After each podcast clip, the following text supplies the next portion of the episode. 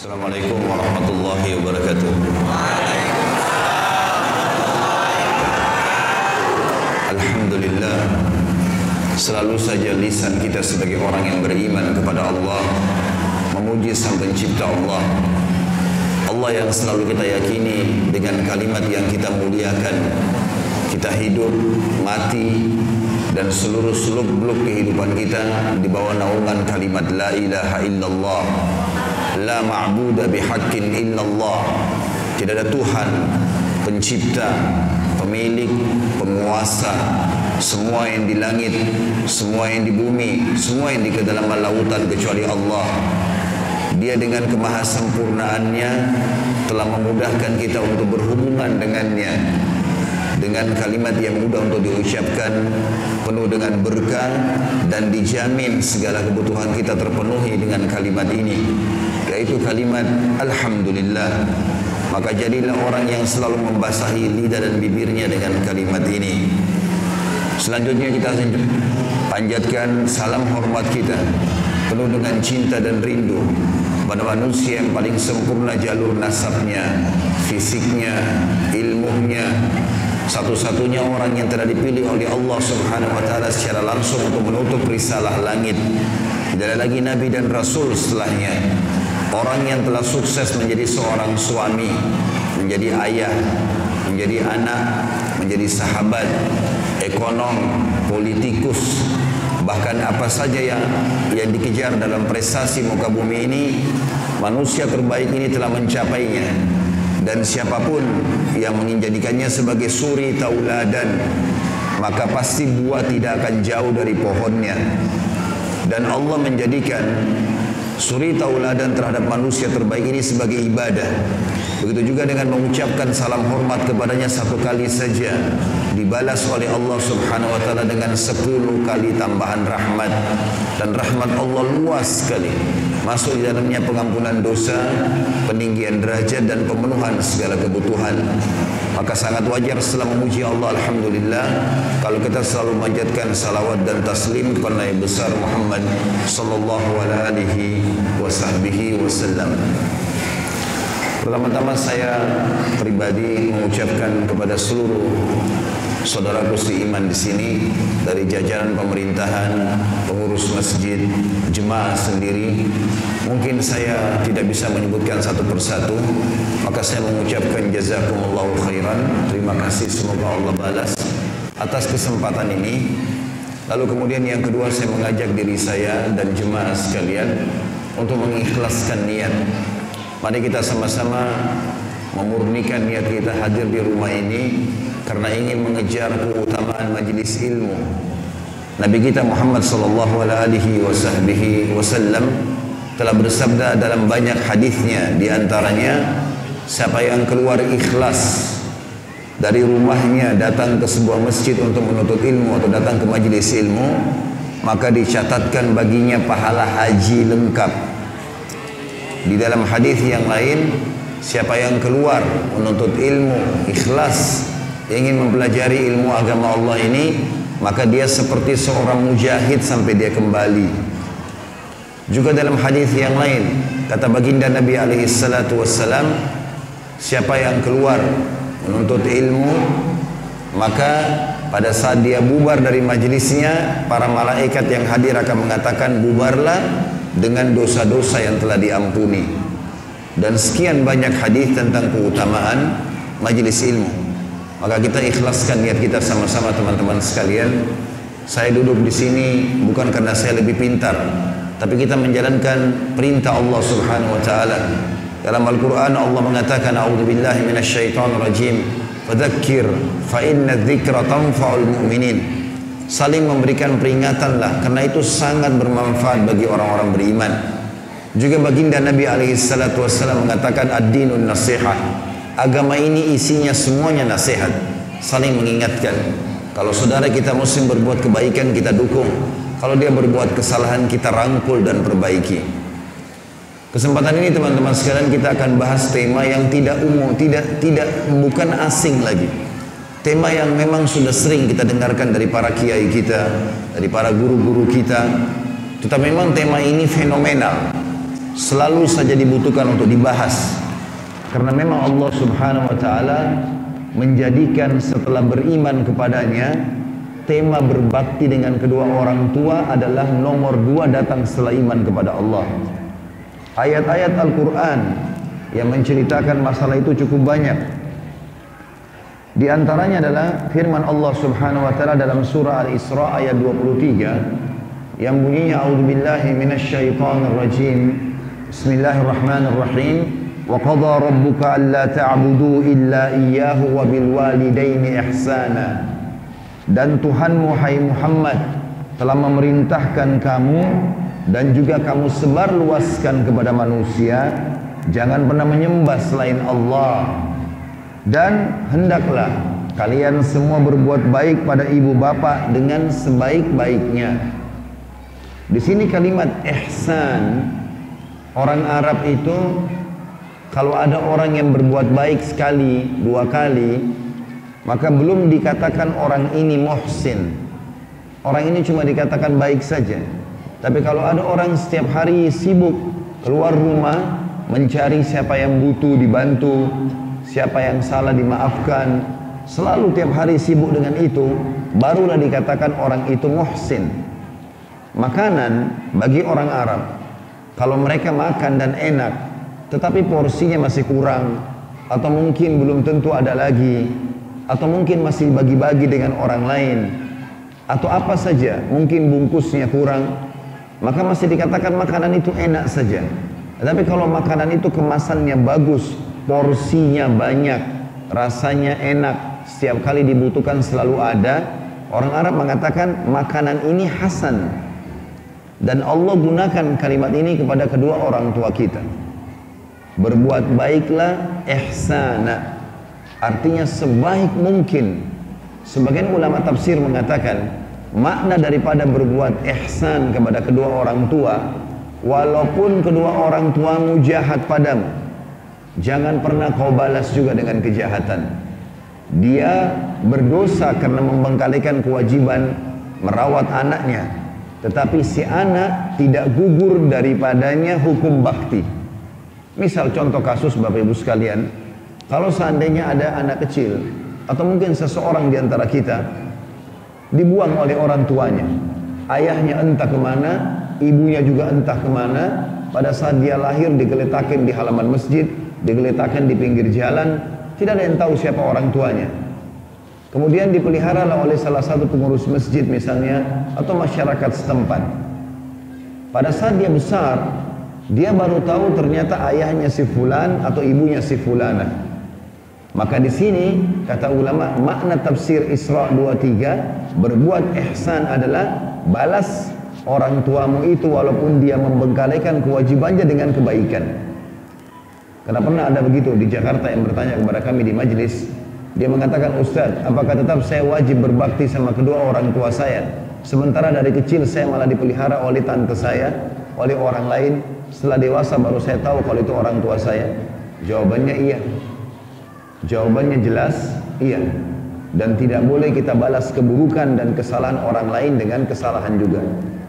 Saudaraku seiman, kalau seandainya seseorang di antara kita digiba oleh orang lain, makna giba diceritakan aib kita. Dalam Islam kita nggak boleh membalas dengan giba juga, karena kalau kita balas giba, dia berdosa, kita berdosa.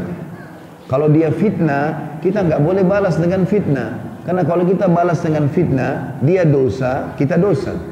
Suami istri, salah satunya selingkuh, naudzubillah. Nggak boleh dibalas dengan selingkuhan juga. Karena suami atau istri yang selingkuh, kalau dibalas dengan perbuatan yang sama, dia dihukum, kita juga dihukum. Islam mengajarkan kepada kita, jangan ikutin keburukan orang lain tapi bagaimana kita memanen pahala dari orang lain. Ini poin dulu yang kita harus bahas di pembukaan teman-teman sekalian. Makanya Islam sangat peduli dengan orang tua. Dari sisi yang lain, di dalam Islam sebab dalam datangnya satu perbuatan baik itu akan menyebabkan pahala yang melimpah. Contoh misal, Bapak Ibu tadi waktu mau hadir di majelis kita ini, kalau seandainya dia hanya sendirian saja, dia baca spanduk, kemudian dia mau datang ke pengajian. Dapat pahala tergantung kadar keikhlasannya. Mudah-mudahan dengan ikhlas dapat pahala. Tapi ada orang, dia panen pahala banyak. Karena begitu dia lihat ada flyer pengajian, dia foto, dia sebarluaskan. Maka datanglah bersama dia 10, 20, 30 orang. Sama-sama dulu di majelis ilmu. Kalau masing-masing Allah kasih pahala 100, 100, 100, 100, 100 misalnya. Orang yang mengajak tadi 10 atau 20 orang itu akan panen pahala 100, 100, 100 dari orang-orang tadi. Sesuai dengan sabda Nabi SAW. Man dalla ala khairin kana lahu mithul ajri fa'ilihi min ghairi yang yanqus min ajri fa'ilihi syai'a.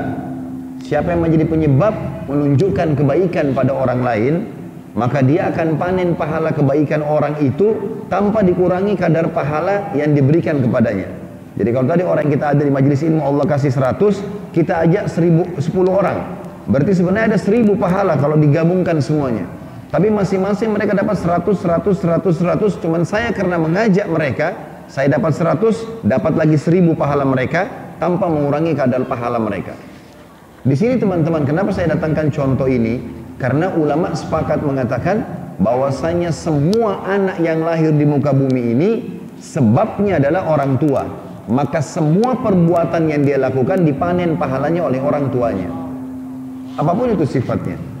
Makanya baginda Nabi SAW mengatakan dalam sebuah hadis yang sahih, ya, kejarlah pahala-pahala yang terbaik dan termasuk pahala terbaik adalah anak-anakmu karena kamu penyebabnya.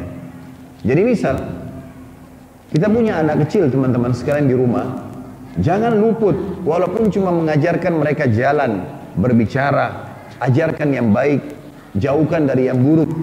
Apa pun yang kita ajarkan dan dia lakukan dalam kehidupannya, kita akan panen pahala.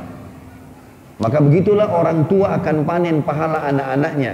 Sampai ulama mengatakan walaupun anak-anaknya itu belum maksimal dalam ibadah, keberadaannya saja, misal si anak hidup 50 tahun, 60 tahun, orang tuanya panen pahala selama 50 tahun. Cukup keberadaan saja. Karena orang tua adalah sebab kita. Dari poin ini teman-teman sekalian, kita akan lebih dalam membahas tentang kedudukan kedua orang tua. Ingat pesan penting. Walaupun teman-teman sekalian pendidikannya lebih tinggi dari orang tua, bahasanya lebih tertata rapi, fisiknya lebih sempurna, paras wajahnya dan rambutnya lebih bagus, ekonominya lebih bagus, apa saja jabatannya tetap saja orang tua punya hak lebih tinggi daripada kita. Ada seseorang pernah datang kepada Hasan Basri rahimahullah, salah satu ulama tabi'in. Orang ini sudah 10 tahun merawat ayahnya. Ayahnya kebetulan stroke di atas ranjang, anak ini laki-laki, sibuk ngurus ayahnya. Dia cerita sama Hasan Basri dia mengatakan, "Wahai imam, kalau imam kita sekarang kiai, ustad. Dia bilang, wahai imam, saya punya ayah 10 tahun stroke diranjang. Setiap hari saya yang suapin makannya. Saya yang gantikan bajunya. Bahkan kalau dia buang air besar dan buang air kecil, saya tampung dengan tangan saya. Dan saya bersihkan tanpa jijik sedikit pun. Pertanyaan saya, apakah saya sudah balas bakti orang tua saya? Kata Hasan Basri, sama sekali belum. Bukan cuma belum, sama sekali belum. Kata dia, 10 tahun saya urus ayah saya, stroke diranjang, saya suapin makannya, gantiin bajunya, bersihkan kotorannya. Belum dihitung berbakti, belum bisa saya balas baktinya. Kata Hasan Basri belum. Kata orang itu kenapa? Dia bilang, karena kamu merawat ayahmu sekarang dengan harapan kapan ayahmu meninggal dan kau berhenti tugas. Tetapi waktu kau kecil, ayahmu membersihkan kamu dengan berharap kau jadi besar dan menjadi pemimpin di masyarakat. Beda niat orang tua dengan anak. Ada seseorang pernah dilihat oleh Ibnu Umar radhiyallahu anhu lagi tawaf. Lagi tawaf di Ka'bah, dia gendong ibunya.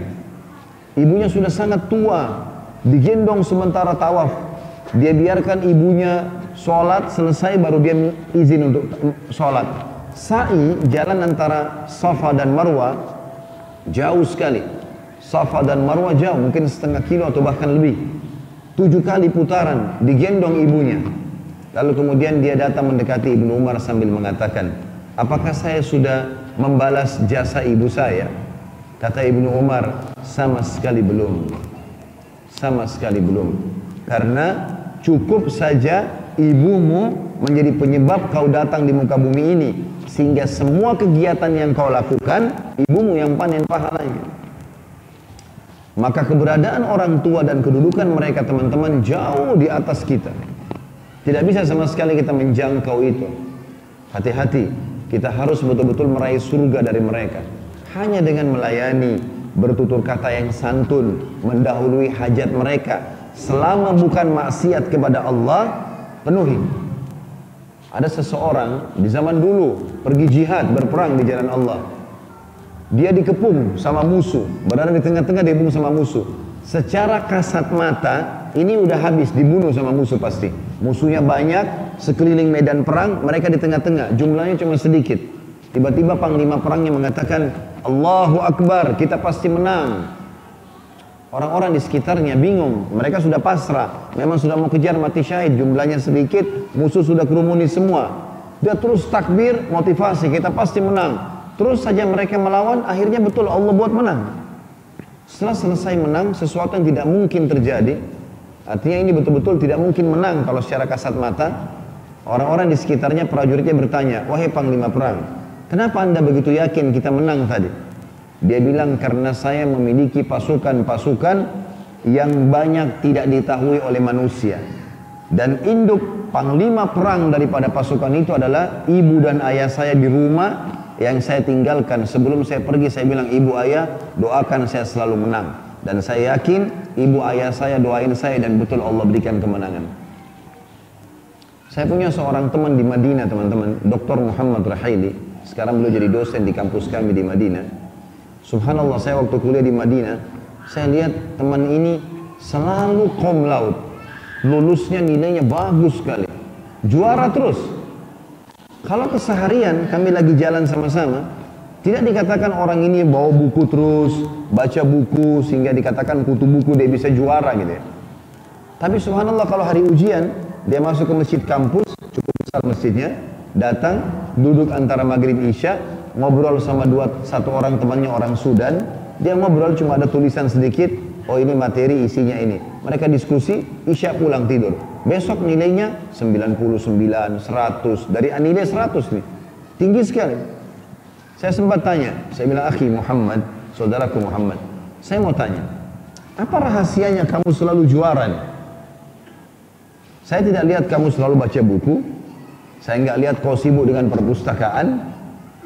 Kau juga tidak terlalu hadir di majelis ulama, tapi tidak rutin. Apa rahasianya? Dia bilang, di rumah saya kedua orang tua saya ada. Setiap mau pergi kampus, selalu saya cium tangannya, ibu ayah doain saya. Saya cuma minta supaya saya didoain kesuksesan.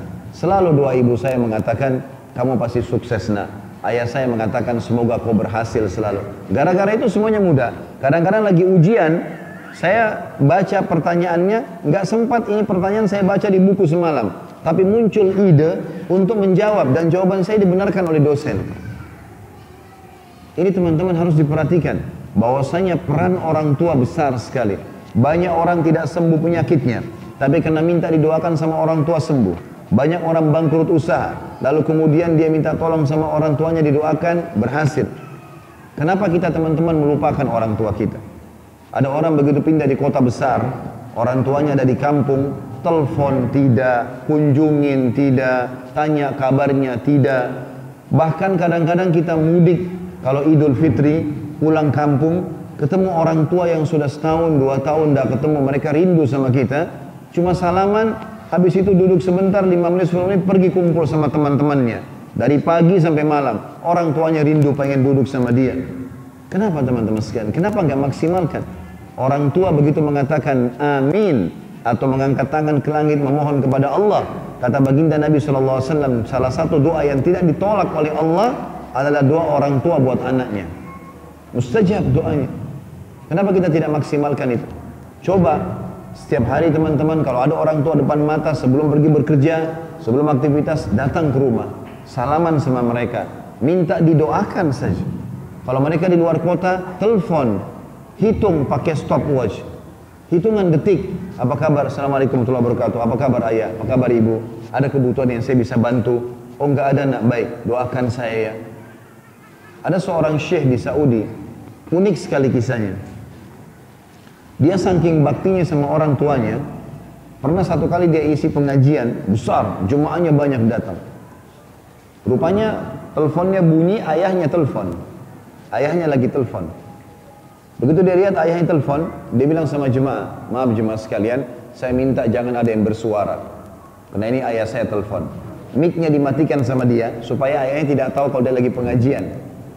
Lalu dia angkat telepon, Assalamualaikum warahmatullahi wabarakatuh, Waalaikumsalam. Ayahnya langsung bilang, nak, ayah lagi pengen undang teman-temannya ayah dan butuh lima ekor kambing.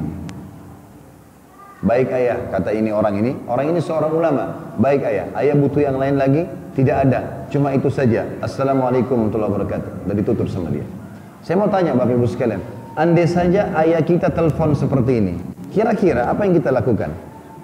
Anggap kalau Bapak Ibu bakti, Mungkin kalau zaman sekarang yang paling canggih kita buat transfer uang. Transfer uang silakan ayah bisa beli semaunya silakan. Itu sudah canggih sekali bagi kita. Kalau ada yang lakukan itu sudah dianggap bakti kan. Perhatikan apa yang dikerjakan oleh orang ini. Dia langsung tutup pengajian. Dia bilang maaf bapak ibu sekalian, ayah saya lagi butuh dengan saya. Kebetulan dia ada di kota Jeddah, ayahnya ada di Qasim, jauh. Ini mungkin bisa seribu kilometer jaraknya, jauh sekali. Dia pergi, dia bilang maaf ayah saya butuh saya. Dia tidak bilang ayahnya pesan kambing nggak. Dia bilang ayah saya butuh sama saya. Jadi pengajian saya nggak bisa lanjutkan. Ditutup sama dia. Dia pergi ke pasar kambing di kota Jeddah. Beli kambing lima ekor itu. Kemudian dia sewa mobil pick up. Dia setir sendiri. Kambing itu dibawa seribu kilometer bawa mobil sendiri. Sampai ke depan ayahnya. Lalu dia bilang ayah setelah salaman ini pesanan anda cium tangan, pulang lagi kembali ke Jeddah. Karena ayahnya nggak bilang, nak transfer ya, enggak. Ayahnya cuma bilang, ayah butuh lima ekor kambing, nggak ada instruksi yang lain. Yang paling bakti adalah beli, bawa ke depan ayah. Seribu kilometer. Ini bentuk bakti yang luar biasa gitu. Ada seseorang, teman-teman sekalian juga sama, salah satu ulama di Saudi yang kami kenal, di majelis ilmu, banyak orang yang datang di pengajiannya, ibunya telepon, adabnya sama, dimatikan mic sama dia. Dia bilang sama jemaahnya maaf, ini ibu saya telepon, jangan ada suara. Dia nggak mau ibunya tahu kalau dia pengajian. Mirip dengan kasus tadi. Begitu diangkat teleponnya, lalu dia assalamualaikum warahmatullahi wabarakatuh. Lalu ibunya bilang, nak, ibu rindu sekali, pengen duduk sama kamu. Dia nggak bilang, bu maaf ya, saya lagi pengajian nanti aja. Mungkin teman-teman kalau di kantor, saya kan lagi kerja, masa ibu nggak tahu? Misal, kadang-kadang ada orang begitu sama orang tuanya. Dia nggak cerita apa-apa. Ibunya cuma bilang, nah ibu rindu pengen duduk sama kau. Baik ibu. Ada sesuatu yang ibu pesan lagi? Nggak ada. Ditutup sama dia teleponnya, dinyalakan micnya lalu dia bilang, jemaah maaf, ibu saya lagi butuh sama saya. Pengajian saya tutup ya. Ini orang banyak yang datang ribuan, diberhentiin sama dia karena ibunya. Lalu dia pergi ke, ke rumah ibunya, hanya ngobrol. Dia nggak bilang, ibu tadi ibu telepon saya, saya lagi pengajian loh. Nggak ada. Dia datang salaman sama ibunya langsung ngobrol. Dia nggak cara apa-apa, apa pun hajat ibunya dipenuhi. Lihat bagaimana mereka mengetahui kadar kedudukan orang tuanya. Karena Allah menyebutkan dalam Al-Isra 23 tadi, setelah beriman kepada Allah, bakti dengan orang tua. Baik, bagaimana dengan orang tua kafir Ustaz? Kalau orang tua saya Nasrani, Hindu, Buddha, ateis, nggak ada agamanya, Apakah tetap saya wajib bakti? Tetap wajib bakti. Yang penting tidak mendukung ibadah mereka saja. Allah berfirman dalam Al-Quran. Renungi baik-baik ayat ini. Di dalam surah Luqman ayat 14 sampai ayat 15. A'udzu billahi minasyaitonir rajim. Wassayna al-insana biwalidayhi hamalathu ummuhu wahnan ala wahn. Hamalathu ummuhu wahnan ala wahnin wa fisaluhu fi amaini anushkur li wa إلي ilayyal masir. Wa in jahadaka ala an tushrika bi ma laysa laka bihi ilm fala tuti'huma wa sahibuhuma fid dunya artinya Allah bilang dan kami perintahkan kepada seluruh manusia agar berbuat sebaik-baiknya kepada kedua ibu bapaknya Ibunya telah mengandungnya dalam keadaan lemah dan bertambah lemah. Artinya bulan pertama hamil mulai merasa lemah, bulan kedua lebih berat, bulan ketiga lebih berat, apalagi kalau sudah 9 bulan. Kita bisa bayangkan teman-teman kalau di perut kita kita letakkan beban 1 km, 1 kilogram atau setengah kilogram tapi kita bawa ke mana saja. Jadi beban celana aja atau baju aja kalau berat sedikit kita letih. Apalagi kalau ini anak di dalam perut ke mana-mana dibawa susah. Ini Allah ceritakan. Ibunya telah mengandungnya dalam keadaan lemah dan bertambah lemah dan menyapinya, menyusuinya dalam dua tahun. Bersyukurlah kepadaku kata Allah dan bersyukur dan berterima kasih kepada ibu bapakmu. Hanya kepadakulah kalian semua akan dikembalikan pada hari kiamat kata Allah. Dan jika keduanya memaksamu untuk mempersekutukan aku kata Allah dengan sesuatu yang tidak ada pengetahuanmu tentang itu, maka jangan kamu mengikuti keduanya dan pergaulilah keduanya di dunia dengan cara yang baik. Juga sabda Nabi alaihi salatu wassalam, la ta'ata illa fi ma'ruf. Atau dalam riwayat lain, la ta'ata fi ma, la ta'ata fi ya, la ta'ata li makhluqin fi ma'siyatil khaliq. Yang artinya tidak boleh ada ketaatan, kepatuhan yang berbau maksiat kepada sang pencipta Allah. Kita boleh patuh sama ibu dan ayah kita selama dia bukan perintahkan pelanggaran agama. Kalau ada misalnya di antara muslimah Ibu ayahnya bilang, nak nggak usah pakai jilbab dulu. Di sini kita nggak ikutin, tapi tetap santun dan sopan. Kenapa? Karena itu perintah Allah. Dan ulama merincikan, kalau perintah Allah itu wajib, haknya Allah wajib. Seperti sholat lima waktu, tutup aurat misalnya, puasa Ramadan, ya, yang wajib-wajib. Ini semuanya hak Allah yang wajib. Kalau bertemu dengan hak makhluk yang wajib, seperti taat sama orang tua, ibu-ibu taat sama suami, ini kan juga wajib. Kalau ketemu antara wajib haknya Allah dengan hak wajib makhluk, kita dahulukan yang mana? Haknya Allah. Misal, bapak ibu lagi sholat duhur, Allahu Akbar, ibunya panggil, nak, ayahnya panggil, nak, nggak boleh kita berhentiin sholat. Kenapa? Karena kita sedang sholat wajib. Walaupun panggilan ibu kita juga wajib dijawab. Tetapi kalau bertemu antara haknya Allah sunnah dengan hak wajibnya makhluk misal kita lagi sholat duha ibu dan ayah kita panggil nak batalin sholatnya nggak boleh kita lanjut karena menjawab panggilannya wajib yang kita sedang kerjakan sunnah nah di sini kita bahas adalah kalau bertemu antara hak wajibnya Allah dengan orang tua kita nggak boleh kita patuhi kalau itu menyuruh kita meninggalkan kewajiban Allah tadi saya bilang misalnya kita mau pakai jilbab muslimah orang tuanya bilang nggak usah nak Nanti aja kalau kau sudah nikah. Nggak boleh kita patuhi, tapi tidak boleh kasar. Kita hanya sekarang mengatakan ibu, ayah ini kewajiban agama. Kita tetap rayu, bicara baik-baik, santun dengan orang tua kita. Nabi Alaihissalam mengingatkan kepada kita di dalam sebuah hadis yang mulia dan hadis ini disebutkan oleh Imam Bukhari dalam kitab Adab Mufradnya di nomor 44 kata Nabi SAW ridho Rabb firidul walid wa sakhatur rabb fi sakhatil walid. Keridoan Allah itu ada dalam keridoan seorang orang tua atau seorang ayah. Dan kemurkaan Allah ada pada kemurkaan orang tua apa maknanya ridho Bapak Ibu sekalian? Saya kasih contoh supaya paham makna ridho. Kan ada juga hadis tentang wanita yang kata Nabi SAW tidak ada istri yang meninggal lalu suaminya ridho kecuali pasti masuk surga. Apa makna ridho? Ridho Allah ada di ridho kedua orang tua. Begini makna ridho. Kalau ada orang miskin lagi minta sesuatu, misal dia bilang, Bapak Ibu tolong bantu saya, saya sudah tiga hari nggak makan, atau anak saya mau bayar uang sekolah, saya butuh uang satu juta rupiah. Kalau Bapak Ibu kasih dia uang seratus ribu, dua ratus ribu, sementara dia butuh satu juta, Ibu dan Bapak belum buat dia ridho. Karena hajatnya belum terpenuhi. Bahkan kalau kita kasih satu juta pun belum tentu kita buat dia ridho. Kalau mau buat dia ridho si pengemis tadi ini, maka kita tanya, Bapak, Ibu tinggal di mana? Mana rumahnya? Kita datangin rumahnya. Lihat kebutuhan rumahnya apa saja. Oh ada anaknya tiga belum sekolah, kita sekolahkan. Ada rumahnya rusak, kita perbaikin. Ya. Apa saja listriknya belum ada, kita pasangin listrik. Sampai semua kebutuhannya kita penuhi, itu namanya kita telah membuat si pengemis tadi ridho. Itu makna ridho. Artinya kita memberikan di atas kebutuhan dia.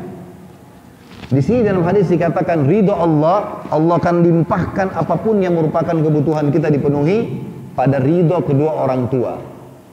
Kita harus berbakti sama orang tua teman-teman sampai mereka puas. Mereka betul-betul merasa ini anak udah nggak bisa lagi dipuji udah. Ya, ada anak-anak masya Allah ya. Pernah ada kasus juga satu kali di Saudi. Ada orang lagi sholat Jumat, lagi sholat Jumat di rakaat kedua maaf di rakaat pertama di sujud pertama rupanya dia jatuh terus gak bangun-bangun lagi lagi sujud. Orang berdiri sampai rakaat kedua gak bangun-bangun. Sampai salam orang semua ngerumun kebetulan memang imam masjid ini seorang ulama di Jeddah. Dia lagi dia lagi khutbah Jumat kemudian dia imami sholat. Suaranya bagus sekali. Begitu dia lihat orang lagi ngerumun dia habis sholat dia lagi mau zikir dia tanya diambil micnya dia tanya ada apa jemaah Oh ada orang yang jatuh syekh gitu. Syekh ini kayak kita kiai. Ada orang yang jatuh tadi. Kata dia coba lowongkan, lowongkan, kasih biar dia bisa bernafas.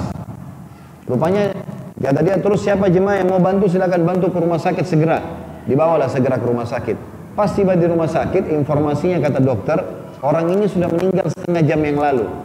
Setengah jam yang lalu maksudnya pada saat dia sujud tadi itu. Ya. Maka imamnya bilang, saya penasaran orang ini. Pertama dia mati hari Jumat. Mati hari Jumat ini punya kemuliaan ya.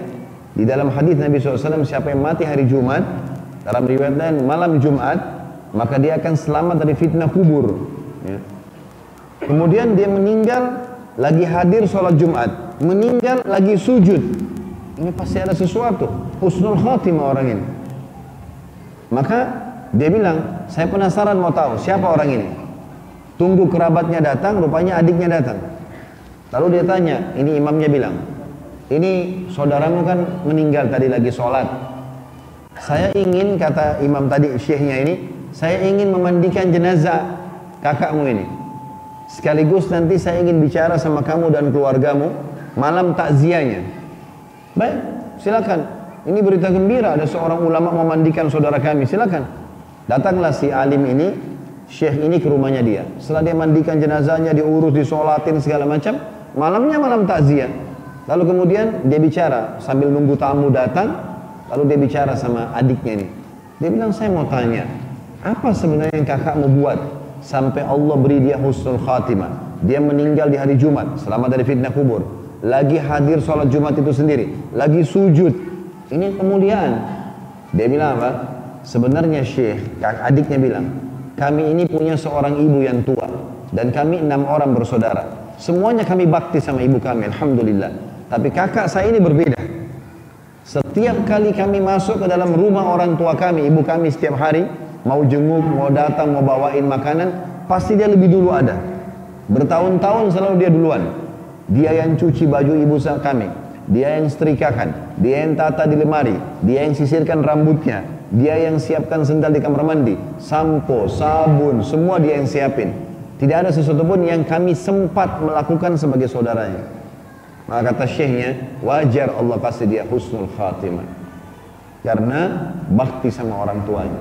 Ada orang teman-teman, mungkin ibadah sunnahnya kurang. Mungkin dia tidak sholat duha. Mungkin dia masih sholat malam tapi sesekali. Mungkin zikirnya juga masih sedikit. Mungkin bacaan Qurannya masih terbatas tapi bakti sama orang tuanya. Allah berkahi luar biasa. Allah berkahi usahanya, Allah berkahi jabatannya, Allah berkahi kesehatannya. Emang begitu. Karena ridho Allah, Allah berikan semua kebutuhan kita dengan ridhonya kedua orang tua kita. Ada kisah lain juga. Seorang syekh, saya banyak cerita tentang Saudi karena kebetulan saya pernah di sana tinggal ya. Jadi bukan berarti saya tidak datangkan kisah dari Indonesia. Kebetulan karena di sana memang itu ada banyak ceramah-ceramah yang kadang-kadang saya hadiri. Dia bilang ada seorang syekh ditelepon oleh seseorang anak muda. Anak muda ini telepon begini. Assalamualaikum warahmatullahi wabarakatuh Syekh. Iya. Saya ini setengah jam lagi dari sekarang, setengah jam saja. Saya akan difonis oleh pengadilan di penjara seumur hidup. Loh kenapa bisa? Kata syekhnya, loh iya, ada orang-orang yang menipu saya, buat data-data palsu, macam-macam, bohong, akhirnya saya, ter, saya sekarang tidak bisa bantah, karena mereka punya banyak argumen. Apa saran anda? Kata dia begitu, apa saran anda? Saya sudah berdoa, saya sudah coba membantah, tapi fonis kelihatannya setengah jam lagi, saya kena seumur hidup. Syekhnya bilang, ayah ibu masih hidup nggak? Dia bilang ayah saya sudah meninggal, tinggal ibu saya saja. Kata syekhnya, kau masih bisa keluar dari pengadilan sekarang? Dia bilang bisa. Sekarang setengah jam saya punya waktu. Rumah ibumu dekat nggak? Dekat. Sekarang kau keluar dari pengadilan, cari restoran terbaik di pinggir jalan, beli makanan yang terbaik, pergi makan sama ibumu. Kata anak muda ini, Syekh, setengah jam lagi saya mau dipenjara seumur hidup. Bagaimana bisa saya pergi beli makanan, duduk sama ibu saya? Kata syekhnya kalau kau mau dengar saran saya silahkan. Kau tanya saya kan, sekarang itu kata kuncinya. Dia bilang baiklah, dia tidak ada pilihan lain. Dia keluar dari pengadilan, starter mobilnya, mampir ke satu restoran yang dianggap terbaik, kemudian dia pergi makan sama ibunya. Subhanallah, kata syekhnya, belum setengah jam, masih 20 menit, dia sudah telepon ke saya. Dia bilang, jazakallahu khair syekh. Semoga Allah balas anda dengan kebaikan. Kata syekhnya khairan insya Allah.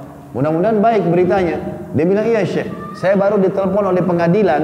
Ternyata orang yang menuduh saya itu dia juga dilaporkan oleh orang lain dan kebongkar kejahatannya.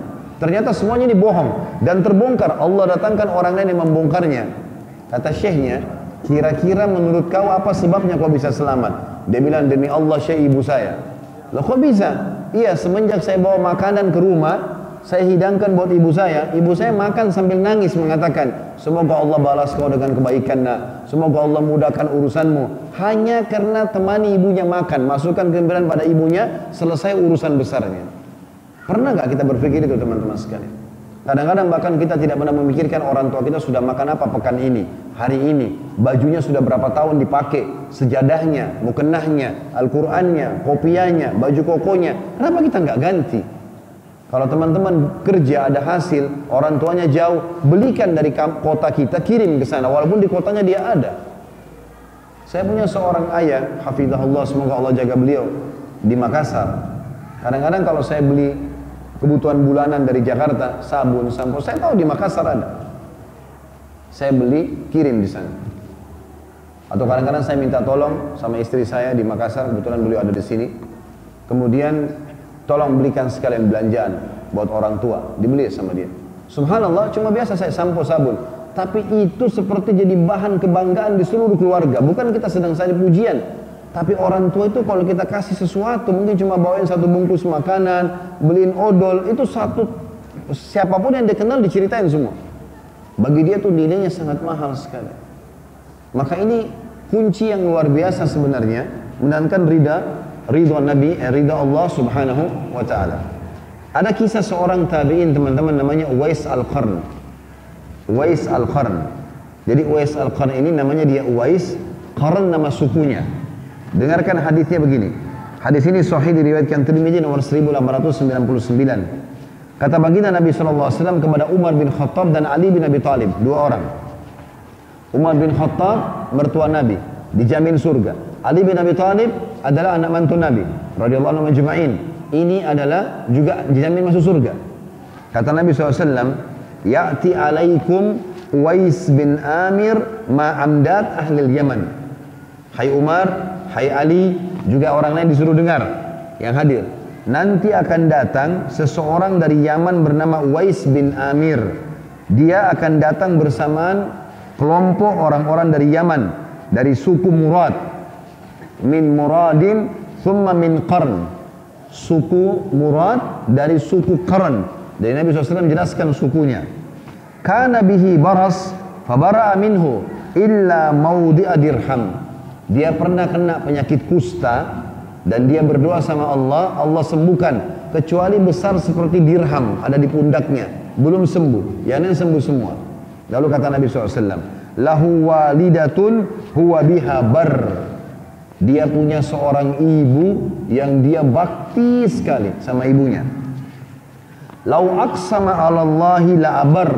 Karena baktinya sama ibunya, sampai-sampai kalau dia bersumpah atas nama Allah, dia bilang, Ya Allah, aku bersumpah atas namamu sembuhkan penyakitku misalnya. Atau dia mengatakan, Ya Allah, aku bersumpah kepadamu lunasi utangku. Langsung Allah kabulkan. Karena bakti sama ibunya, kalau dia sumpah atas nama Allah, Allah kabulkan. Lalu kata Nabi SAW kepada Abu Umar dan kepada Ali. Ini sahabat-sahabat Nabi yang mulia, dijamin masuk surga. Sengaja Nabi tunjuk dua sahabat ini agar yang lain faham kalau dua orang ini aja saya tunggu saya suruh apalagi kalian gitu Nabi SAW mengatakan in istata'ta an yastaghfir laka faf'al hai Umar hai Ali kalau seandainya kau ketemu sama itu yang namanya Uwais minta dia istighfar kepada Allah untuk kamu berdua Uwais Al-Qarni bukan sahabat Umar bin Khattab dan Ali bin Abi Thalib radhiyallahu anhu ini adalah sahabat Dudukannya mulia sekali. Tapi kenapa Nabi suruh dua-duanya pergi istighfar, minta orang itu mohon ampun untuk kamu. Ternyata karena baktinya sama orang tuanya. Umar bin Khattab teman-teman, setiap tahun di musim haji, dari semenjak itu Nabi SAW sampaikan, beliau selalu cari mana penduduk Yaman, jemaah haji Yaman mana di sana. Ada nggak yang namanya Uwais? Maka orang-orang Yaman bilang nggak ada. Kami nggak kenal namanya Uwais. Umar tahun depan tanya lagi, Tahun depan tanya lagi, sampai Nabi SAW meninggal. Abu Bakar meninggal, Umar jadi raja. Umar jadi raja dari tahun 13 Hijriah sampai 23 Hijriah, 10 tahun. Tiap tahun Umar selalu tanya jemaah haji dari Yaman, ada Uwais nggak? Ada Uwais nggak? Dari suku Karan, dari Murad? Nggak ada, nggak ada. Pas tahun terakhir, tahun 23, tahun di mana Umar meninggal haji terakhir. Umar pergi haji, lalu Umar tanya orang-orang Yaman, ada nggak Uwais? Orang-orang Yaman bilang, wahai Amir Mukminin, wahai orang wahai pemimpin orang beriman raja, dipanggil wahai Amir Mukminin. Anda setiap tahun tanya Uwais ini. Kami nggak pernah tahu ada Uwais. Lalu ada satu jemaah haji rupanya di situ, pengembala kambing. Dia maju ke depan, dia mengatakan, wahai Amir Mukminin, mungkin yang anda maksud ini teman saya. Ada teman saya tinggal di padang pasir jauh, nggak ada yang kenal dia. Namanya Uwais. Tahun ini dia haji. Kata Umar baik, kalau dia ada, panggil saya.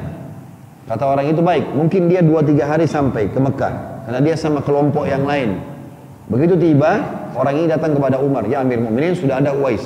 Langsung Umar jalan kaki ke sana buru-buru. Begitu ketemu lalu tanya, apakah kau Uwais bin Amir? Dia bilang iya, saya Uwais bin Amir. Apa kau dari suku Murad, cabang daripada suku Karan? Dia bilang iya. Apa kau pernah penya, kena penyakit kulit? Kemudian kau berdoa sama Allah. Allah sembuhkan kecuali seperti koin dirham di pundakmu? Dia bilang iya. Apa kau punya seorang ibu tua yang kau bakti? Dia bilang iya. Kata Umar, Allahu Akbar. Allah Maha Besar. Berarti yang Nabi sampaikan benar nih. Saya mohon, kau mohon ampun kepada Allah buat saya. Di depannya orang-orang di musim haji. Ah, kata Uwais, ya Amir Mu'minin. Anda siapa, saya siapa? Artinya istighfar anda pasti lebih mustajab lah. Masa saya disuruh minta? Kata dia karena Rasulullah SAW suruh saya cari kau. Tiap tahun saya cari kamu ini. Dan minta saya mohon kepada kamu agar mohon ampun kepada Allah buat saya. Kata Uwais, baiklah kalau begitu dia mohon ampun buat Umar, ya Allah ampunilah Umar, ya Allah begini dan begitu. Umar ini rupanya waktu tahun 23 di tahun akhir-akhir hidup beliau, beliau sempat menikah dengan anaknya Ali. Ada anak perempuannya Ali radhiyallahu anhu majma'in. Ini namanya Ummu Kalthum, saudaranya Hasan dan Husain. Waktu Umar melamarnya, Umar mengatakan, saya ingin punya hubungan dengan kerabat Nabi SAW. Maka dia nikahi anaknya Ali bin Abi Thalib. Jadi Umar bin Khattab mertuanya Nabi, Ali bin Abi Thalib anak mantu Nabi, tapi Ali bin Abi Thalib mertuanya Umar. Ya. Maka Umar lari-lari cari mertuanya Ali, sekalian sahabatnya. Mana Ali? Mana Ali? Ketemu Ali akhirnya. Ya Ali, saya sudah ketemu sama Uwais. Karena yang Nabi sebut Umar sama Ali. Cari dia. Ada di sini dan di situ. Ayo saya temani. Ditemani. Lari-larilah berdua orang ini. Sampai ketemu Uwais. Ali tanya lagi pastikan. Benar semuanya. Kata Ali mohon ampun buat saya. Ini Uwais bilang, wahai uh, Ali dipanggil ya, ini anda ini siapa? Anak mantu Nabi, ya, sepupu Nabi, ahli baitnya, orang terhormat, ahli ibadah, sahabat Nabi. Kenapa minta saya? Nabi yang bilang, pokoknya mohon ampun sekarang buat saya. Wais angkat tangan lagi, ya Allah ampunilah Ali dan seterusnya. Maka setelah itu tersebar satu musim haji waktu itu bahwasanya Umar dan Ali radhiyallahu anhu sudah menemukan Uwais. Satu musim haji cari mana Uwais ini. Uwais nggak ada hilang, nggak ada di musim haji, hilang. Sebagian ahli sejarah mengatakan sekitar 9-10 tahun setelah itu Uwais ditemukan ada di Irak. Dia lagi memungut-mungut makanan di sampah. Orang miskin, dia mungut makanan di sampah. Kalau dia temukan makanan yang masih bagus, dibersihkan sama dia dipotong-potong yang sudah rusak, dipanasin, dicari lagi orang miskin dibagi dua. Tapi yang kita ingin diberatkan baktinya sama orang tuanya, apa yang dia buat? Disebutkan dalam kisah-kisahnya dikatakan, dia pernah satu kali memperbaiki atap rumahnya. Jadi kebetulan kalau kita mungkin dari jerami atau apa ya, orang dulu pakai pelapa kurma kalau di Timur Tengah. Jadi daun-daun kurma itu kan tipis sekali sebenarnya. Apalagi zaman dulu belum ada beton kayak kita sekarang. Maka dia bilang naik, dia naik di atas gitu. Kemudian pas dia mau perbaikin karena rupanya dia yang terbuka takut kalau hujan masuk hujan, maka dia mau perbaikin. Pas dia mau perbaikin, ibunya lagi lewat di bawah. Ibunya lewat di bawah. Kira-kira teman-teman di sini kalau ada atap rumah rusak, pas kita mau perbaiki lihat ke bawah ada ibu di bawah. Apa yang antum ngomong? Apa kira-kira yang kita bilang? Sudah sopan sekali kalau kita mengatakan ibu, maaf ya, ya saya mau perbaikin atap, jangan sampai ibu kena. Tolong ibu pindah. Itu sudah sopan sekali. Benar nggak? Perhatikan apa yang Uwais lakukan. Ini lagi panas, trik, peringatan panas sekali. Dia lihat ibunya, dia berdiri. Nggak bicara satu kalimat pun. Diam saja. Dia diam. Sampai ibunya, ibunya nggak tahu dia ada di atas nih. Dia terus ibunya menyulam berjam-jam di atas. Menyulam, buat apa? Dia nggak bilang, ibu pindah bu, nggak ada. Tunggu ibunya pindah, baru dia pindah. Dia nggak mau jalan takut debunya jerami itu kena ibunya. Kita kadang-kadang sendal orang tua kita injak, buang sembarangan. Ya. Makanannya kita makan, dibentak-bentak. Ini bahaya sekali. Ingat, Allah melarang kita teman-teman mengucapkan kalimat ah sama orang tua. Ya. Tidak boleh. Wala takul lahuma uffin wala tanharhuma wa qul qawlan. Jangan pernah kalian ucapkan kalimat uf. Orang Arab itu kalau bilang uf, kalau kita Indonesia ah. Kalau kita bilang ah ibu ini, ah ayah ini, gitu. Allah bilang tidak boleh. Jangan kalian membentak keduanya dan ucapkanlah kepada keduanya kaulan karima Kaulan karimah maknanya kalimat yang luar biasa, lembut, santun, tertata, menghormati, masuk semua maknanya itu. Gak boleh sama sekali kita menghardik mereka.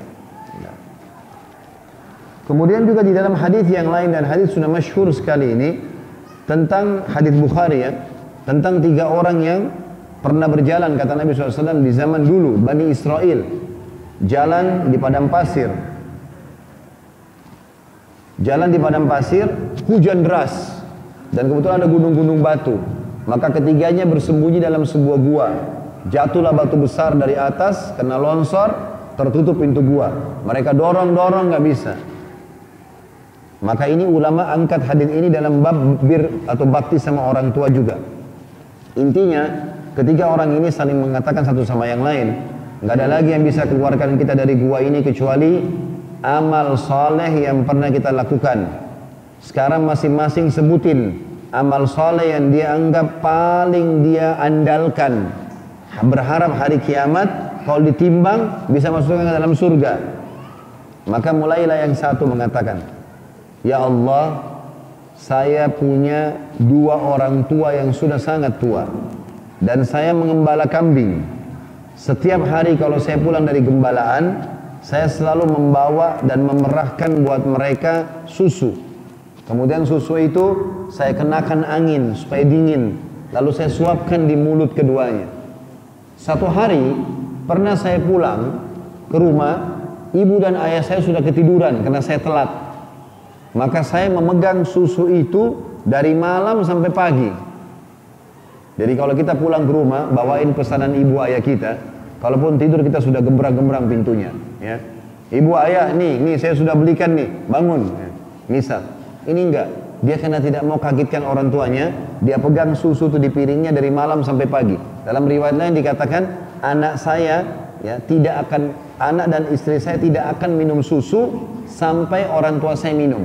Maka pada malam itu karena saya pegang susu, anak istri saya kelaparan, anak saya datang nangis-nangis di kaki saya. Sampai tertidur, saya nggak pedulikan. Harus orang tua saya dulu minum, baru anak saya. Setelah tiba pagi hari, eh, orang tua saya bangun, maka saya membuat kesannya, saya baru menyiapkan susu itu. Padahal dari semalam suntuk berdiri. Lalu saya minumkan pelan-pelan susu itu. Saya minumkan pelan-pelan. Maka kalau seandainya amal itu ikhlas karenamu ya Allah, keluarkan kami dari gua ini. Maka pecahlah batu tersebut, tapi mereka belum bisa keluar. Tapi di sini yang jadi saksi bahasan kita adalah bagaimana bakti sama orang tuanya bisa memberikan jalan keluar dari permasalahan. Orang yang kedua mengatakan, Ya Allah, saya punya seorang wanita, riwayat lain dikatakan sepupu saya yang sangat saya cintai, cantik ya dan menggoda. Saya suka sekali sama dia. Kemudian saya selalu tawarkan diri untuk berzina dengan dia. Tapi dia nolak terus. Satu waktu ibunya sakit, lalu dia butuh duit. Dia datang kepada saya. Lalu saya menawarkan diri. Kalau seandainya kau mau menawarkan dirimu, kau mau maksudnya zina dengan saya, naudzubillah, maka saya akan kasih kebutuhanmu. Karena dia anggap ibunya butuh perempuan ini, dia pun memasrahkan dirinya. Bahasa orang ini unik. Dia bilang apa? Pada saat saya sudah berada di antara dua pahanya, Artinya sudah tidak ada busana. Tinggal diletakkan ke kemaluan di kemaluan. Ini berat sekali. Orang ini perempuan sangat dia cintai. Dia sukai. Bertahun-tahun dia kejar tidak pernah berhasil. Kali ini datang pasrahkan diri. Wanita itu cuma ucapkan satu kalimat. Bertakwalah kepada Allah. Takut sama Allah. Jangan kau letakkan cincin kecuali pada tempatnya. Kata kalau kau mau letakkan kemaluanmu, nikahi saya dulu. Tapi bahasa santun. Maka dia bilang, Ya Allah, aku tiba-tiba waktu dengarkan kalimat wanita itu bertakwalah kepada Allah, takut sama Allah, hatiku bergetar. Aku tinggalkan itu. Tidak jadi dia meletakkan kemaluan, tidak jadi berzina. Karenamu. Kalau itu memang amal kau terima, Ya Allah, keluarkan kami dari gua ini. Maka batunya juga jadi pecah lagi. Tapi belum bisa keluar. Tinggal orang yang ketiga mengatakan, Ya Allah, dulu saya punya seorang pegawai. Dia bekerja sekian lama, kemudian satu waktu ada gaji dan dia tidak terima. Tiba-tiba pergi tanpa berita. Maka saya pun tunggu ini orang kok nggak datang-datang. Maka saya coba mengambil inisiatif, gaji dia, saya belikan beberapa ekor sapi. Dan saya bayar pengembala-pengembala khusus untuk merawat sapi itu. Sehingga setelah sekian tahun menjadilah sapi-sapi itu di sebuah di apa satu lembah yang penuh. Jadi lembah penuh, sudah ratusan ekor sapi dari hasil upahnya pegawai itu. Satu waktu dia datang lalu mengatakan, wahai tuan, anda kan masih ingat dulu saya pernah bekerja berapa tahun yang lalu dan saya tidak terima gaji saya. Sekarang saya mau minta bertakwalah kepada Allah. Lalu saya katakan pada dia, apa kau lihat lembah itu yang penuh dengan sapi? Kata dia iya. Baik, ambil semuanya itu. Itu punya kamu. Kata dia, ai tuan, jangan olok-olok saya. Saya cuma minta hak gaji saya saja. Kata dia tidak, saya tidak olok-olok. Gajimu karena kau tidak datang bertahun-tahun, saya belikan sapi, saya kembang biakan, ini punyamu. Ambil saja.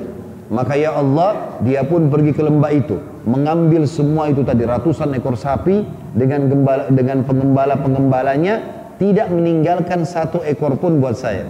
Kalau amal itu ikhlas karenamu, maka keluarkanlah kami dari lubang ini atau gua ini. Maka pecah lagi batunya, akhirnya mereka bisa keluar. Jadi teman-teman bisa bertawassul dengan amal soleh ini. Kalau kita lagi sakit, ingat kira-kira amal soleh apa yang paling pernah kita kerjakan. Ya Allah, saya pernah begini. Tapi antara kita sama Allah ya, jangan cerita ke orang jadi riak nanti. Tapi antara kita sama Allah, ya Allah, saya pernah bersedekah membantu sepupu saya di rumah sakit. Dia sakit, saya bayarin 10 juta. Dan itu tidak ada yang tahu kecuali engkau ya Allah. Kalau itu ikhlas karenamu, sembuhkan penyakitku, mudahkan urusanku. Itu yang dicontohkan dalam hadis ini. Tapi saksi bahasan kita adalah bagaimana baktinya kepada kedua orang tuanya tadi memberikan susu itu. Teman-teman sekalian, kapan kita bakti sama orang tua kita? Allah akan berikan kepada kita juga anak-anak yang berbakti. Itu kata kuncinya. Kalau bapak ibu ingin anaknya santun, sopan sama dia, dia harus juga sekarang melakukan orang tuanya seperti itu. Di dalam sebuah hadis yang dihasankan oleh para ulama, baginda Nabi alaihissalatu wassalam bersabda, berbaktilah kalian dengan kedua orang tua kalian, Allah akan memberikan kalian anak-anak yang berbakti dengan kalian. Jagalah kesucian kemaluan kalian. Jangan berzina, Allah akan jaga kesucian kemaluan pasangan kalian. Ini juga pernah terjadi teman-teman sekalian. Ada seorang teman dekat saya di Syria, beliau dari Syria tapi tinggal di Jakarta jadi dosen. Ya. Pernah kebetulan saya satu alma mater di salah satu kota di Makassar, betul kami dua-duanya jadi dosen beberapa tahun lalu. Sempat kami bicara-bicara tentang bakti tentang orang tua ini, menceritakan ada mahasiswa di kampus itu kami ngajar. Kemudian sempat dia cerita, teman ini cerita orang Syria ini. Dia bilang, apa yang disampaikan Nabi SAW itu, kalau orang bakti sama orang tuanya, Allah juga akan balas dengan orang yang berbakti atau anak-anak yang berbakti. Kalau dia durhaka, Allah juga kasih dia anak durhaka. Dia bilang ada cerita di kampung saya di Syria, kisah nyata dia bilang. Ada satu bapak dihormati sekali, orang kaya dan punya wibawa. Dia punya anak cuma satu Allah kasih, laki-laki saja. Dan dia sayang sekali sama anaknya, sampai semua kebutuhannya anak ini dipenuhi.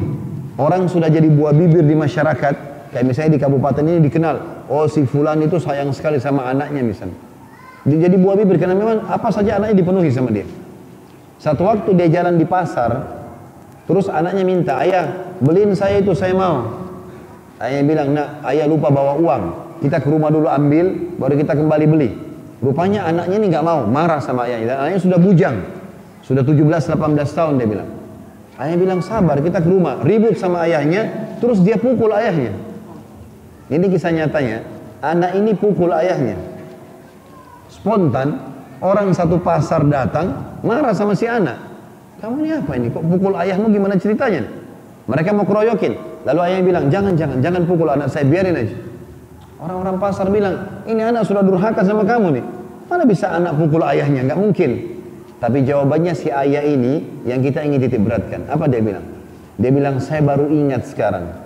Waktu dulu saya masih seumur anak saya ini, saya pernah lewat di pasar ini bersama ayah saya. Dan saya pernah pukul ayah saya di tempat ini. Allah subhanahu wa ta'ala balas dia. Ini harus kita lakukan teman-teman. Bagaimana kita berbuat baik pada orang tua, anak-anak akan begitu. Terbalik, kalau kita durhaka, Allah balas juga yang sama. Ya. Kemudian juga teman-teman sekalian, pernah eh, bakti sama orang tua juga ini selain mendatangkan ridho Allah segala macam yang sudah kita jelaskan juga dia menjadi pembersih dosa ya. Seberat apa pun dosa yang bapak ibu lakukan selain tobat kepada Allah segera bakti sama orang tua. Karena itu pembersih dosa. Riwayatnya banyak. Di antaranya adalah pernah Ibnu Umar berkata bahwasanya ada seorang laki-laki datang kepada Nabi Wasallam. Lalu dia mengatakan wahai Rasulullah saya telah melakukan dosa besar. Apakah ada pintu tobat untuk saya? Maka Nabi SAW jawab begini, apakah kau masih memiliki ibu yang hidup? Dia menjawab, tidak ada. Kata Nabi SAW, adakah saudaranya ibumu, tante dari ibu? Ya. Maka dia mengatakan, iya ada. Kata Nabi SAW, berbaktilah padanya. Hadis ini sahih riwayat Tirmidzi nomor 1904. Kalau kita belum faham hadis ini teman-teman, renungi hadis yang setelahnya. Akan menjelaskan masalah itu. Bahwasanya ada seseorang pernah datang kepada Ibnu Abbas radhiyallahu anhu. Ini riwayat diriwayatkan oleh Imam Bukhari dalam Adab Mufrad dengan sanad sahih nomor 4. Jadi riwayatnya begini. Ada seorang laki-laki datang kepada Ibnu Abbas lalu berkata, Sesungguhnya aku pernah melamar seorang wanita, tapi dia menolak. Wanita itu menolak. Sedangkan setelah dia menolakku, ada laki-laki lain yang melamar, lalu dia terima. Maka aku pun terbawa dengan cemburu, lalu aku membunuh wanita itu. Jadi laki-laki ini lamar wanita, ditolak. Ini tentu tidak boleh ya, tidak baik. Bapak-bapak di sini, laki-laki sini kalau ditolak ya cari yang lain. Tidak usah bunuh orang. Gitu ya. Tapi ini subhanallah dia bunuh sama dia. Sehingga karena dia jengkel, dia bunuh. Tapi dia nyesal, dia bilang, cuman aku menyesal atas perbuatanku itu. Apakah aku masih bisa taubat?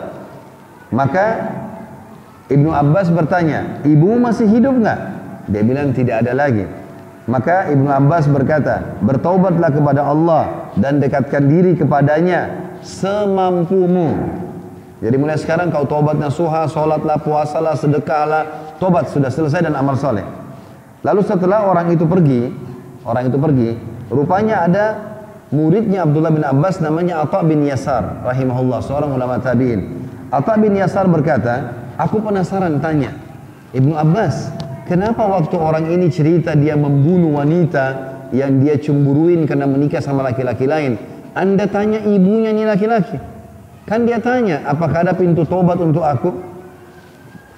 Kenapa anda tidak jawab? Ada. Kenapa harus jawab tanya ibunya?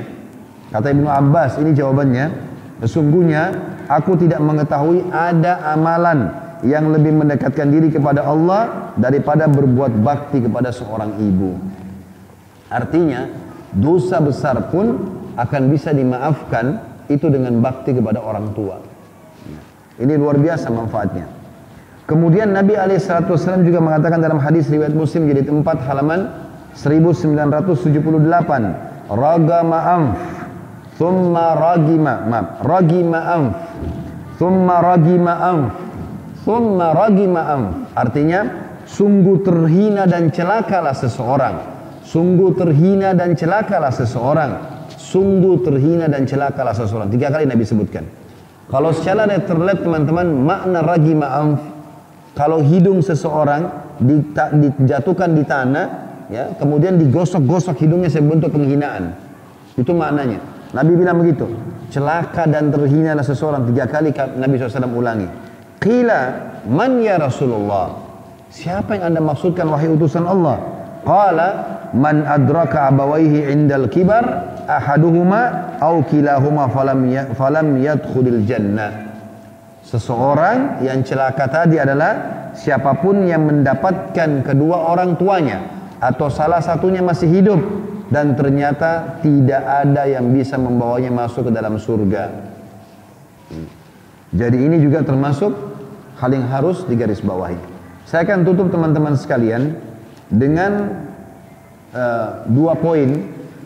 Poin yang pertama adalah berhubungan dengan masalah kalau kita mau, kalau kita mau mendapatkan pahala bakti dengan orang tua kita, tentu kita melakukan bakti itu. Nanti Allah akan berikan kita anak-anak. Tapi bagi orang tua di sini, kalau mau buat anaknya bakti dengan dia sehingga anaknya selamat, dia pun dapat baktinya, maka harus dari awal dia membentuk anak itu menjadi orang yang baik. Saya mau berbagi begini. Teman-teman kalau punya anak, anak-anak ini usahakan kita bentuk seperti yang kita mau dan jangan buka pintu-pintu durhaka bagi mereka contoh misal kalau bapak ibu mau belikan anaknya masih kecil baju mau berikan makanan udah beli bawa pulang kasih aja langsung nah ini dari ayah ini dari ibu hari ini kita masak ini jauhi hindari semaksimal mungkin pertanyaan mengatakan nak kamu mau pakai baju apa kau mau minum apa, kau mau makan apa. Mau makan apa, walaupun ini bentuk sayang ya. Walaupun kita bilang, nak mau makan apa, mau minum apa, itu bentuk sayang. Tapi sebenarnya ini berbahaya. Kata sebagian ulama, pertanyaan yang sering memberikan pilihan kepada anak dan bukan orang tua yang mengatur anak, ini nanti membuka pintu durhaka di satu sisi. Misal contoh, ibu dan ibu-ibu misalnya mau masak, dia bilang, nak besok mau makan apa? Oh saya pengen sayur asam sama tempe ibu. Misal, atau sayur asam sama ayam goreng. Besok ibu lupa. Besok ibu lupa masak. Lalu anaknya datang tanya, Bu, kok uh, ada makanan? Ada. Dibuka ternyata tempe, bukan ayam goreng. Dia mau ayam goreng misalnya. Maka dia bisa tanya, Bu, kok nggak masak yang saya pesan? Pertanyaan ini dikhawatirkan masuk dalam bab durhaka nanti. Karena dia protes orang tuanya kan. Ah, ibu ini kan sudah janji sama saya. Akhirnya dia bicara yang seperti itu. Orang tua yang berhasil mendidik anaknya teman-teman, orang tua yang kalau dia jalan, anaknya di sebelahnya seperti dia. Kalau ada bapak-bapak di sini, masya Allah, Dia kalau jalan, anak laki-lakinya di sebelahnya seperti dia. Bajunya sama, cara jalannya sama, ikut ke masjid selalu sama-sama. Seperti ayahnya, ini berhasil ayah didik dia. Tapi kapan ayahnya arahnya ke agama, dia arahnya ke yang lain, ini tanda tanya. Seorang ibu, dia datang pakai jilbab misalnya, hadir majelis ilmu segala macam, anak perempuannya di sebelah seperti dia. Itu sukses itu. Tapi kalau ibunya pakai jilbab, anaknya enggak, ibunya ketua majelis salim, anaknya artis di sana sini telanjang, tanda tanya ini. Berarti tidak berhasil, gitu kan?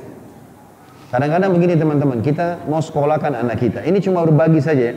Kita mau sekolahkan anak kita. Bapak-bapak misalnya umurnya 35 tahun, ibu-ibu istrinya 30 tahun misalnya. Teman-teman, anak-anak kita nggak ngerti sekolah itu. Ada anaknya masih SD. Nah, kamu sekolah di mana? Dibawalah anaknya ke sekolah A dan sekolah B. Yang sekolah A temboknya warna biru, sekolah B temboknya warna hijau. Kebetulan anak ini suka warna biru. Lalu orang tua tanya, nak kau mau sekolah mana? Yang ini aja. Dia cuma patokannya warna birunya. Dia nggak tahu kurikulum, dia nggak tahu pembayarannya, dia nggak tahu gurunya. Kita orang tua yang tahu. Yang benar kita bawa dia. Nah ini sekolah, ayah ibu mau ke sekolah di sini. Selesai. Itu poinnya. Jangan buka pintu-pintu durhaka buat anak-anak. Dimulai dari apa? Banyaknya penawaran. Mau ini apa nak? Mau itu nak? Akhirnya anaknya terbiasa membantah orang tuanya. Padahal Allah bilang jangan ucapkan kalimat ah sama orang tua. Ini bahaya nih. Ya. Makanya harus hati-hati di poin ini. Ini saya ingatkan kembali teman-teman. Dan kalau kita berhasil mendidik anak kita menjadi anak yang baik, manfaatnya besar sekali. Di antara hadis yang sahih diriwayatkan oleh Imam Muslim jadi tiga, halaman 1255. Kata Nabi SAW, "Idza matal insanu inqata anhu amaluhu illa min thalatha." Kalau anak Adam atau manusia meninggal terputus sumber pahalanya kecuali dari tiga. Illa min sadaqatin jariyah. Dari sedekah yang berjalan terus. Bangunan, jalanan, jembatan, sumur yang banyak orang pakai manfaatnya. Setelah mati pun dia akan dapat. Au ilmin yuntafa'u bihi. Atau ilmu yang bermanfaat yang disebarluaskan dari dia. Puncaknya ilmu agama dan masuk dalamnya semua ilmu yang bermanfaat. Dan yang ketiga, awaladin salihin yad'ulah atau anak soleh yang mendoakan dia. Bagaimana bisa kalau kita tidak bentuk anak kita menjadi anak yang bakti, nggak masukkan ke sekolah-sekolah agama yang buat dia faham halal haramnya Allah, lalu kita berharap dia menjadi anak soleh yang mendoakan kita. Hadis yang kedua, kata Nabi Shallallahu Alaihi Wasallam, "Iza inna rajula la turfa'u darajatu fil jannah, fayakul anna hadha fayuqal bistighfar waladika lak Sesungguhnya akan ada orang hari kiamat kata Nabi sallallahu alaihi wasallam akan diangkat derajatnya tinggi di surga. Jauh sekali derajatnya luar biasa yang dia dapat fasilitas. Lalu dia heran, dia sendiri heran, dia mengatakan, "Dari mana saya dapat ini?" Sehingga saya saya nggak berbuat apa-apa. Kok bisa naik setinggi ini?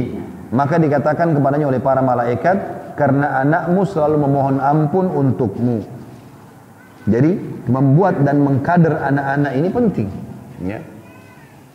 Kemudian yang juga saya ingin diberatkan teman-teman sekalian di dalam masalah ini adalah kalau orang tua kita sudah meninggal, maka kita masih terbuka pintu bakti dengannya.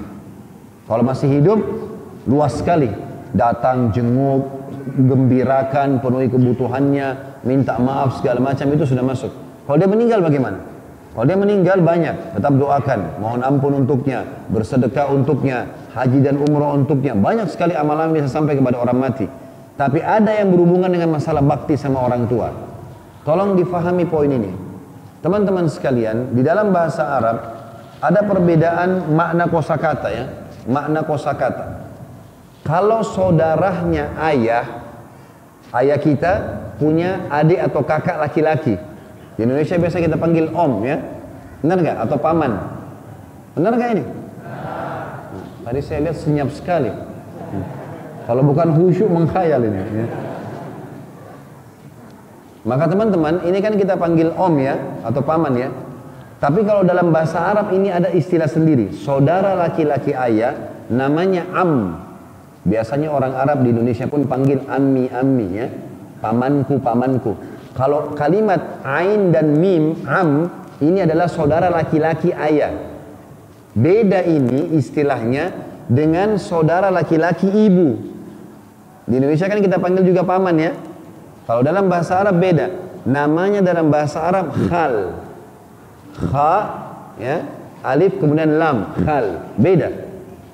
Kalau dalam bab bakti, dalam bab bakti yang kita dahulukan am dari khal. Paham gak ini? Jadi saudara ayah itu lebih kita dahulukan paman dari ayah daripada paman dari ibu. Kedudukannya lebih tinggi. Ya, dalam hal bakti. Begitu juga dengan saudari yang biasa kita panggil tante. Saudarinya ayah bahasa Arabnya ammah. Ain mim ta marbuta amma. Biasa kita bilang ammati, tanteku dari ayah ya. Kalau saudarinya ibu namanya khalah. Kita biasa bilang khalati.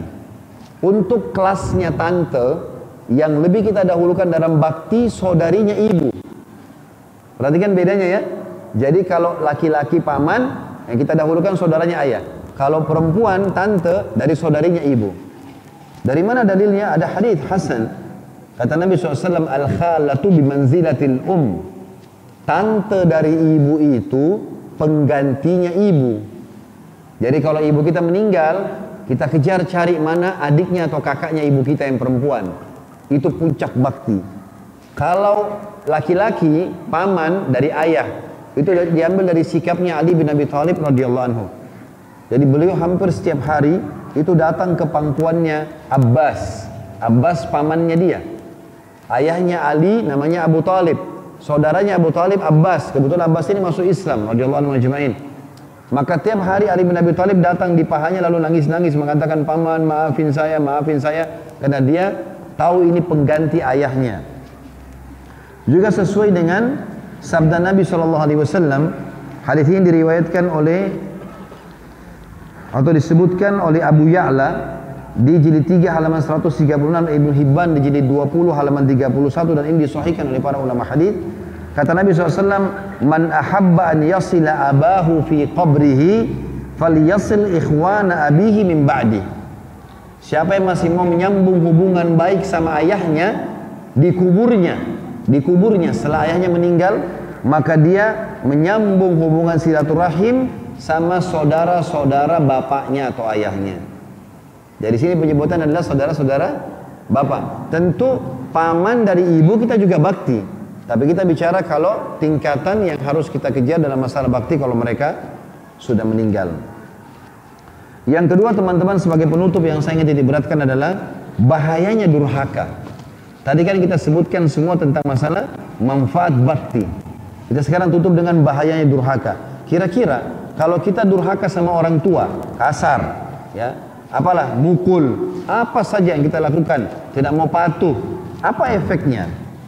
Dikatakan oleh atau dalam sebuah hadis yang pertama saya sebutkan, hadis ini riwayat Bukhari jilid 5 halaman 261.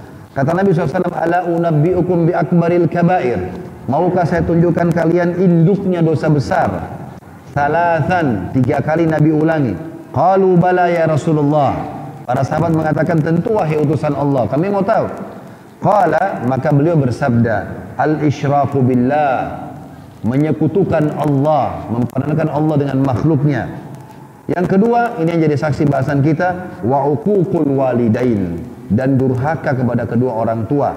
Wa jalasa wa kana muttaki'an. Kemudian dia tadinya dia tadinya berbaring, Nabi SAW lalu duduk tiba-tiba. Faqal, lalu beliau mengingatkan, ala wa qauluz zur dan hati-hatilah dari perkataan dusta. Qala fama zala yukarriruha hatta kulna laitahu sakat. Nabi terus ulangin. Hati-hati jangan syirik, jangan durhaka sama orang tua, jangan berkata dusta. Riwayat lain, jangan berikan persaksian dusta. Nabi ulangi lagi, hati-hati, jangan begini dan begitu diulangi. Ya sampai para sahabat karena seringnya Nabi ulangi, bayangkan Bapak Ibu sekalian kalau kita sejam dua jam, saya cuma bilang, Bapak Ibu sekalian, nggak boleh syirik, nggak boleh durhaka sama orang tua, ya, nggak boleh bohong. Saya ulangi begitu terus satu jam, bengkak juga kuping kita ini. Hmm? Nabi SAW ulangin terus sampai sahabat mengatakan apa? Kami berharap Nabi diam. Kenapa Nabi ulang-ulangi? Karena bahaya sekali. Durhaka sama orang tua mendatangkan murkahnya Allah. Bahaya sekali. Maka tadi dikatakan ridho Allah ada di ridho kedua orang tua, murkahnya Allah di murka orang tua. Hadis yang kedua teman-teman tentang bahayanya durhaka. Kata baginda Nabi sallallahu alaihi wasallam, "Thalathatun la yanzurullahu azza wa jalla ilaihim yaumal qiyamah." Ada tiga golongan yang Allah yang Maha Suci dan Maha Pemurah tidak akan melihat mereka pada hari kiamat. Ya, kalau kita diundang ke rumah seseorang, semua tamu diajak bicara kecuali kita. Gak enak rasanya. Hari kiamat Allah ajak bicara hamba-hambanya. Allah hisab mereka. Tapi ada golongan yang Allah tidak ajak bicara. Sama sekali. Ada tiga golongan. Yang pertama, al-aquli walidayhi. Yang durhaka kepada kedua orang tuanya. Yang kedua, wal mar'atul mutarajjilah. Dan yang kedua adalah wanita yang menyerupai laki-laki. Rambutnya potong seperti laki-laki. Jalannya seperti laki-laki. Omongannya seperti laki-laki. Ini dilarang. Allah murka dengan mereka. Perempuannya perempuan. Dan yang ketiga, wad dayyus. Dayyus adalah laki-laki, suami atau ayah atau saudara yang tidak cemburu dengan pelanggaran agama yang terjadi pada istrinya, pada anaknya atau pada saudarinya. Jadi kalau ada laki-laki, dia biarkan istrinya tidak pakai hijab, istrinya mau bergaul bebas silahkan, mau pacaran bahkan selingkuh nggak ada masalah. Ini namanya the youth, nggak boleh, haram dalam Islam. Harus kita marah, nggak boleh. Kenapa? Sudah punya suami, nggak boleh. Ayah sama anak perempuannya nggak boleh dia biarkan sembarangan. Begitu juga dengan saudara pada saudarinya. Harus dia tegas kalau terjadi pelanggaran agama. Lalu Nabi lanjutkan, wa thalathatun la yadkhuluna jannah. Dan ada tiga golongan tidak akan masuk surga. Kalau tadi Allah tidak lihat saja, ini ditambah tidak akan masuk surga. Yang pertama, walidayhi, durhaka pada kedua orang tua. Yang kedua, wal mudminu alal khamr, orang yang kecanduan minum keras, minuman keras, tidak tobat sebelum meninggal. Dan yang ketiga, wal mannanu bima a'ta, orang yang suka sebut-sebut kebaikannya. Bapak Ibu kalau sudah kasih orang, lupain Ada malaikat yang catat jumlahnya, jamnya, keikhlasannya. Malaikat nggak pernah tidur, catat semua. Gak usah repot-repot ceritain ke orang. Siapa yang ceritain amalnya sama orang lain, maka jadi ria, dosa besar. Kalau dia tidak cerita, Allah akan sebarkan terutama pada saat dia sudah meninggal dunia untuk jadi pelajaran bagi orang dan menambah amal soleh dia. Maka ini juga termasuk golongan yang tidak akan Allah lihat. Tapi saksi bahasan kita adalah tentang masalah ini. Saya izin tentang dua tiga hadis lagi. Hadis selanjutnya adalah hadis riwayat Al-Bazzar jadi satu halaman 22. Pernah ada seorang sahabat berkata, Amr bin Murrah al-Juhani radhiyallahu berkata, "Ja'a rajulun ila Nabi sallallahu alaihi wasallam faqal." Ada seorang laki-laki datang kepada Nabi SAW lalu berkata, Ya Rasulullah, wahai utusan Allah, Ara'aita in sallaitu salawatil khams. Kalau seandainya saya kerjakan rutin jaga, perindah, sempurnakan salat lima waktu saya. Wasumtu Ramadan dan saya puasa Ramadan lengkap, bagus, sempurna semuanya wa addaitu zakat lalu saya membayar menunaikan zakat dengan sempurna. Wa hajajtul bait. Dan saya pergi haji juga dengan sempurna. Uangnya halal saya ikhlas. Famadali saya dapat apa? Qala faqala faqala sallallahu alaihi wasallam. Maka Nabi SAW bersabda man fa'ala dzalika kana ma'an nabiyyin was-siddiqin wasyuhada'i was-salihin siapa yang buat seperti kau bilang tadi Sholatnya sempurna, puasa Ramadannya sempurna, hajinya sempurna, zakatnya sempurna, betul-betul seperti yang kau bilang, maka dia akan bersama dengan para nabi-nabi, para siddiqin, orang jujur, dan syuhada, para orang mati syahid, dan salihin. Nanti di surga. Tinggi sekali derajatnya. Illa ayya'ukka walidai. Kecuali satu keadaan. Nggak jadi masuk surga. Kalau dia durhaka sama orang tuanya. Biar sholatnya sempurna, puasanya sempurna, zakatnya mana-mana dibagikan, hajinya bolak-balik, tapi kasar sama orang tuanya nggak berguna, nggak masuk surga, bisa masuk neraka ini. Kemudian juga hati-hati teman-teman sekalian dengan ini yang saya anggap hadis yang terakhir. Kalau tadi itu uh, hadis yang saya sebutkan sebelumnya adalah hadis riwayat Bukh Al-Bazzar ya. Ini tentang masalah jangan sampai kita durhaka sama orang tua dengan cara kita mencaci maki orang tua orang lain. Jadi resepnya teman-teman supaya awet muda dan tidak banyak dosa, jangan banyak bertengkar dengan orang. Kalau orang lain mau ajak kita bertengkar, tinggalkan saja. Biar dia ribut sama tembok atau pohon. Gak usah layani. biar dia bilang kau pengecut, nggak apa-apa, nggak usah dilayani. Karena ada hadis yang berbunyi, kalau dua orang sedang bertengkar, maka laknat Allah datang kepada yang memulainya. Yang mulai caci maki mulai ini, itu yang kena laknat. Dan yang diam, yang tidak jawab, tidak tanggapi, dapat rahmatnya Allah. Sampai dia balas juga orang yang mencaci maki dia. Kan enak benar, dia kan caci saya, saya juga caci dia. Maka kalau dia buka ini, kalau tadi dia tidak caci maki, dia dapat rahmat. Begitu dia buka, dua-duanya kena laknat.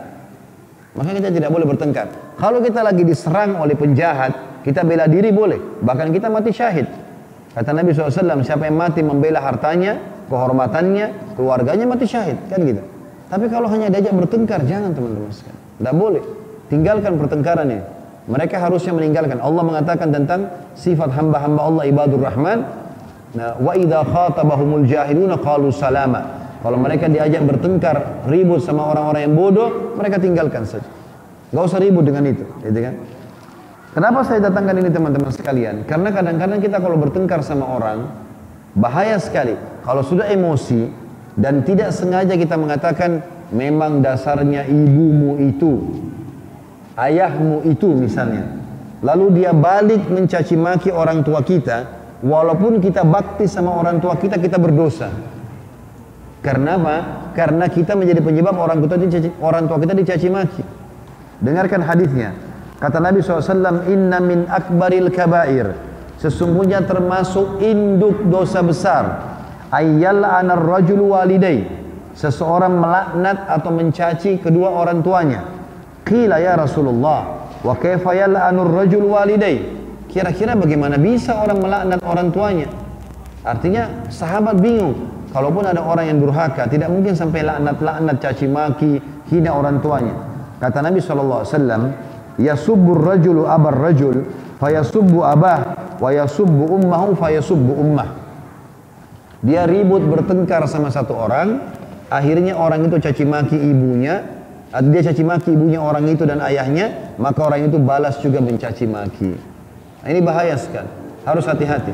Jangan sampai menjadi penyebab orang-orang masuk dalam masalah mencaci maki orang tua kita. Juga sebagai penutup saya ingatkan ibu-ibu sekalian, secinta apa pun ibu sama suaminya, jangan pernah hapus nasabnya ayah kita. Kan biasa di Indonesia begitu ya, dihapus nama ayahnya, masukkan nama suaminya.